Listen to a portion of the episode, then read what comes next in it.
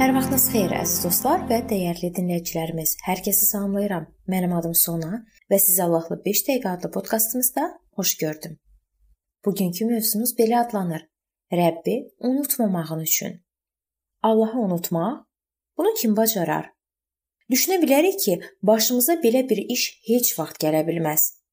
Amma boynumuza almalıyıq ki, insani zəifliyimizdən irəli gələrək belə bir ehtimal var və ağlımıza belə gəlməyən şeyləri nə vaxtsa edə bilərik. Bu başlıq ayıq olub vacib olanı unutmamağımız üçün hər birimizə xəbərdarlıqdır. Allah hər şeyə özü həyat, nəfəs, hər şey verir. O günahda çabalayan dünyanın xilasını təmin etmək üçün özünü qurban verəndir. O haqqında indi deyəcəyim sözləri deyilənin özüdür. Baxın Yeşaya 49 15-16-da yazılıb. Ana südəmər körpəsini heç unudarmı? Bətnindən çıxan oğluna rəhm etməzmi? Ana öz körpəsini unutsa belə, mən səni əsla unutmaram. Mən sənin adını ovucularımda həkk etmişəm. Ey Sion, divarların daim önümdədir. O əbədi, hər şey bilən, hər yerdə və hər şey qadirdir. Bununla belə o məqsədə çatmaq üçün fani insanlardan istifadə etməyə icazə verir. Allahı unutmağa cəsarətimiz çatarmı? Bununla belə bu çox asan və demək olar ki, özümüz də bilmədən baş verir. Allahı hansı səbəbdən unuda bilərik? Hansı hadisələr və şərait bizi bunu etməyə məcbur edə bilər?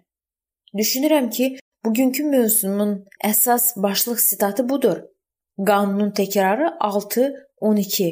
Misirdə kölə olduğunuzu yada salın və bu qaydalara diqqətlə əməl edin.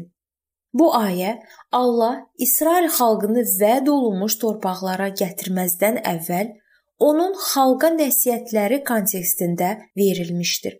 Onlar nədən canlarını qurtardılar? Misir torpağındakı ağır qul həyatından. Allah onları quldarlıqdan xilas etdi və əngin qorxulu səhradan keçirtdi. İndi isə onlar artıq Kənana daxil olmağa hazırlaşanda Allah onlara xəbərdarlıq göndərir. Özünün ikinci məktubunda Həvari Peter məsihçilik fəzilətlərində zəifləyən bir adamdan bəhs edir.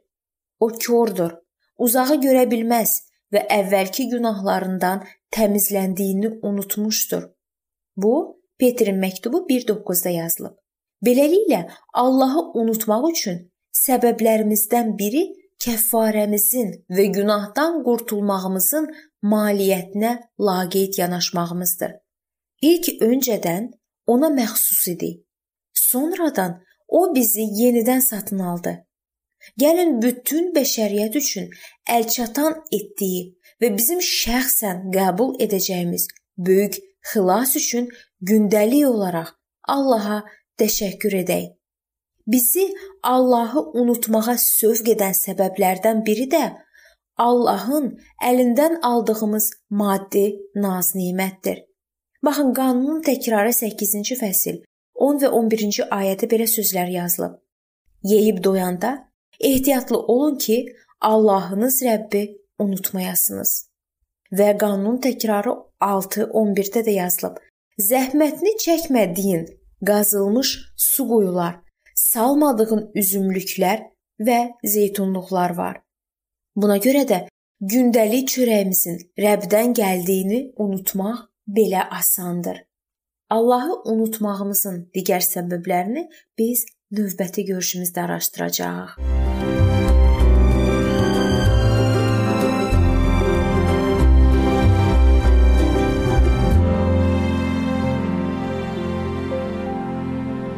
Beləliklə əziz dostlar, bu yerdə bu mövzu sona çatdı.